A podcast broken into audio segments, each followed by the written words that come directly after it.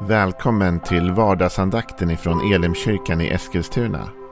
Det här är en podcast som kommer ut måndagar till fredagar. Om du vill veta mer om vilka vi är, vad vi tror på, hur du kan komma i kontakt med oss eller vad vi kan erbjuda dig för någonting så gå in på www.elimkyrkan.com. Får jättegärna gå in och likea vår Facebook-sida. Det är facebook.com elimeskilstuna. Eller så söker du upp oss på YouTube och då söker du på Elimkyrkan Eskilstuna. Vi vill jättegärna komma i kontakt med dig. Men nu lyssnar vi till dagens andakt. Då är det fredag och vi är i avslutningen av den här veckan med vardagsandakten. Vi kör ju måndagar till fredagar. Den här veckan så har vi hela veckan uppehållit oss vid ordspråk ur Ordspråksboken. Och ännu mer korrekt, eller vad man ska säga, så är det ordspråk som vi läser ur The Message, översättning av Ordspråksboken. Så det är lite nyare språk, lite nyare tankar kan man få av det. Lite nyare vinklingar.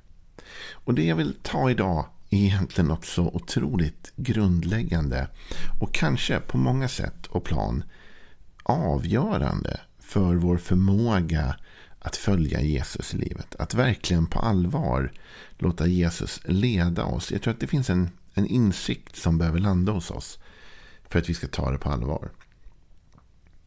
Och då står det så här i Ordspråksboken 10 och vers 22 då, ur The Message.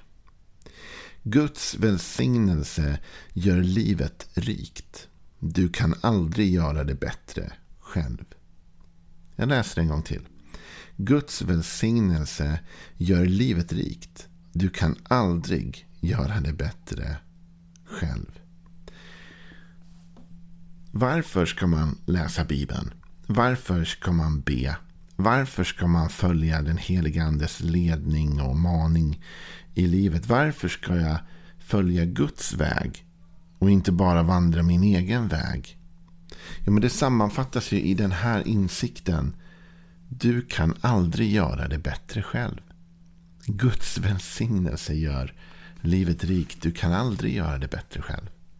Jag tror att när du och jag kommer till den insikten att Guds väg, Guds plan för mitt liv är den bästa planen. Då blir ju viljan att följa honom större.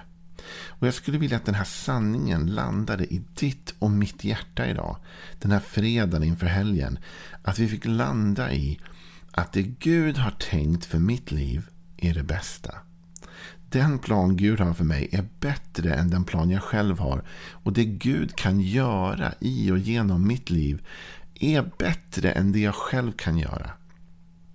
Då blir jag liksom i rätt position kan man säga i tanken kring honom.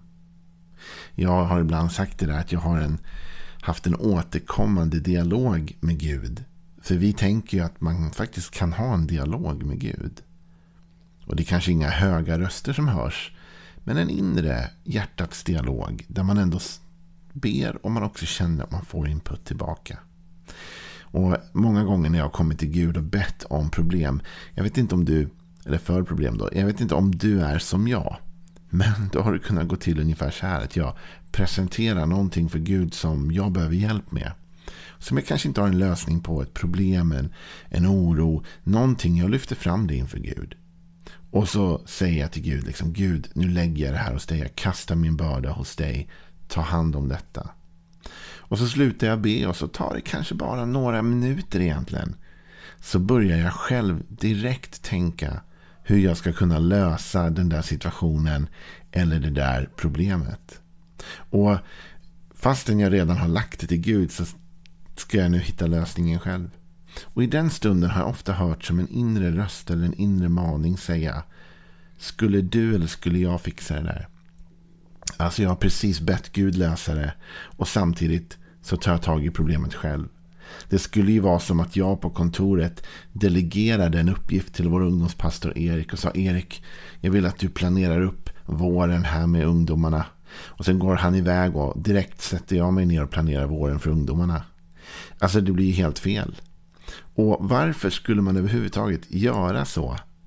Jo, man gör så därför att det finns någonstans ett tvivel, en fundering om att det kanske är bäst om jag gör det själv. Eller hur? Undrar om Gud riktigt vet hur jag vill att det här ska lösas. Undrar om Gud egentligen kan lösa detta. Undrar om bönens kraft är stark nog. Alla de här sakerna. va? Men om jag har landat i det vi nu läste från Ordspråksboken. Att jag kan aldrig göra det bättre själv än vad Gud kan göra det. Då, helt plötsligt, så kan jag lämna över saker till Gud. Därför jag är trygg med att han gör detta till och med bättre än vad jag kan. Och det handlar såklart aldrig om en passivitet från vår sida. Utan Gud och Bibeln lär oss ju hela tiden att Gud samverkar med människor och arbetar genom och med människor. Så när Gud vill göra något i ditt liv, så även om han är den som liksom orkestrerar det, sätter igång det, planerar det, så kommer du absolut ha din del att göra i det. Gud vill att du ska jobba och vara delaktig. Men vi kan ändå överlåta till honom. Det finns ett bibelord som väldigt ofta blir citerat eh, och uppläst i kyrkor. Och det står ungefär så här att för den som älskar Gud så samverkar allt till det bästa. Alltså en tanke av att Gud kan få livet och sakerna i livet att samverka till det bästa för dig och för mig. Med andra ord, Gud vill ditt bästa. Om jag får vara så rak och ställa en så kanske fräck fråga på en vardagsandakt en fredag så skulle jag fråga dig. Är du, tror du att Gud vill det som är ditt bästa? Tror du på riktigt att det Gud vill för ditt liv är det bästa som kan hända? Tror du att om Gud fick bestämma och styra varje detalj och sekund av ditt liv så skulle ditt liv vara bättre än om du styrde och detaljplanerade allting själv? Har vi förtroende för Gud? Det är den frågan. Och det är en avgörande fråga, för när vi inser att vi har det förtroendet för Gud, då vågar vi överlämna till Gud att leda oss. Och då är vi villiga att följa honom. Jag tänker mig, en av de vanligaste liknelserna om Jesus är ju, att han är en herde. Den gode herden. Men om fåren ska följa herden då vill de ju vara trygga med att herden leder mig rätt. Jag vill ju veta att det här är för mitt eget bästa. Jag lyssnar till exempel gärna till råd från människor som jag vet vill mitt bästa. Därför att då vet jag att de tänker faktiskt på mig. Jesus säger i Johannes 10 och vers 11 när han talar om sig själv som en herde att jag är den gode herden. Säger han. Den gode herden ger sitt liv för fåren. Den som är lejd och inte herden som äger fåren, han överger fåren och flyr när han ser vargen komma. Och vargen river dem och skingrar jorden. Den som är lejd bryr sig inte om fåren. Men jag är den gode herden. Jag känner mina får och mina får känner mig. Liksom Fadern känner mig och jag känner Fadern och jag ger mitt liv för fåren. Tänk här talar Jesus om att han är en god herde. En som är villig att ge sitt liv för fåren. Han är beredd att ge sitt allt för fårens bästa. Han sätter fårens bästa före till och med sitt eget bästa. Han är beredd att offra sig själv för att fåren ska leva och må bra. Och fåren, de vet det. Så fåren, de är trygga och de följer herden. Men tidigare har Jesus sagt att det finns andra lejda herdar, sådana som bara får betalt för att ta hand om en jord. De bryr sig inte så mycket. Blir det för farligt så sticker de. Och fåren är inte trygga med det. Men de är trygga med att följa den de vet vill sitt bästa. Vet David, kung David i Israel, han utforskar ju verkligen det här förhållandet med Gud som sin herde.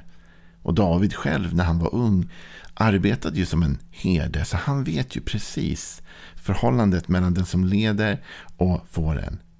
Och i den kanske mest kända salmen i hela Bibeln, Psaltaren 23, psalm 23, så står det så här i vers 1 bara. En psalm av David. Herren är min herde, mig ska ingenting. Tänk vilken bekännelse som David tar ur sig här. Han säger Gud är min herde.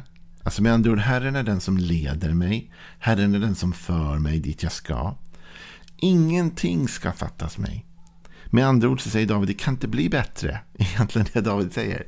David säger, man skulle kunna säga att han tar in ordspråksboken och säger Herren är min herde. Jag skulle inte kunna göra det bättre själv. Eller hur? Jag kan inte göra det bättre själv. Utan när jag blir ledd av herden. Då kommer jag till en plats där ingenting fattas mig. Och man fortsätter läsa psalm 23 så talas det om att han låter mig vila på gröna ängar, för mig till vatten där jag finner ro, ger liv åt min själ, leder mig på rätta vägar för sitt namns skull och så vidare. Kommer ner till vers 5 så står det Du dukar för mig ett bord i mina fienders åsyn. Du smörjer mitt huvud med olja och låter min bägare flöda över. Vet du, jag tänker så här. För att du och jag ska följa herden, följa honom till hans bord och sätta oss ner där, så behöver vi få in i vårt hjärta att hans bord är bättre än vårt. Det behöver landa i oss att det bord han har dukat är så mycket bättre än det bord som du och jag kan duka åt oss själva. Och i den här, så att säga, det här är gränslandet där du och jag antingen följer helhjärtat eller håller lite för oss själva. Om vi går med en attityd i vårt hjärta av att det är nog ändå så att Gud, det är bra, men jag vill inte släppa taget. Jag vill inte släppa kontrollen därför att jag tror innerst inne att jag kan göra det lite bättre själv. Då kommer vi aldrig att helhjärtat följa Gud och då kommer vi inte komma dit som Gud har tänkt att vi ska komma. Men om vi istället tar den här inställningen. Att vi tänker okej, okay, jag förstår inte alla svängar som herden tar. Jag hade nog hellre svängt vänster här, men det ser ut som att Jesus vill att vi ska svänga höger. Jag hade nog hellre bromsat och stannat här, men det tycks som att Jesus fortsätter att vandra här. Eller jag vill fortsätta att vandra, men nu känns det som att Jesus stannar här. Men jag litar på att han vet vad som är bäst för mig. Och att han vill mitt bästa. Och att jag inte ens kan göra livet bättre själv. Utan Herrens välsignelse är det som gör livet riktigt rikt. Då kommer vi följa helhjärtat. Då kommer vi våga följa in på vägar vi inte ens förstår att vi ska vandra först. Men inser sen vara rätt och välsignade. Så, så här på fredag eftermiddag nu när vi avrundar en vecka med vardagsandakten så vill jag bara läsa det här ordspråket igen för jag tycker det är otroligt bra. Från Ordspråksboken 10 och 22. Guds välsignelse gör livet rikt. Du kan aldrig göra det bättre själv. Bestäm dig för att tro det och leva det så kommer du se att ditt liv kommer komma till fantastiska platser. Och till slut kan vi säga som David. Herren är min herde.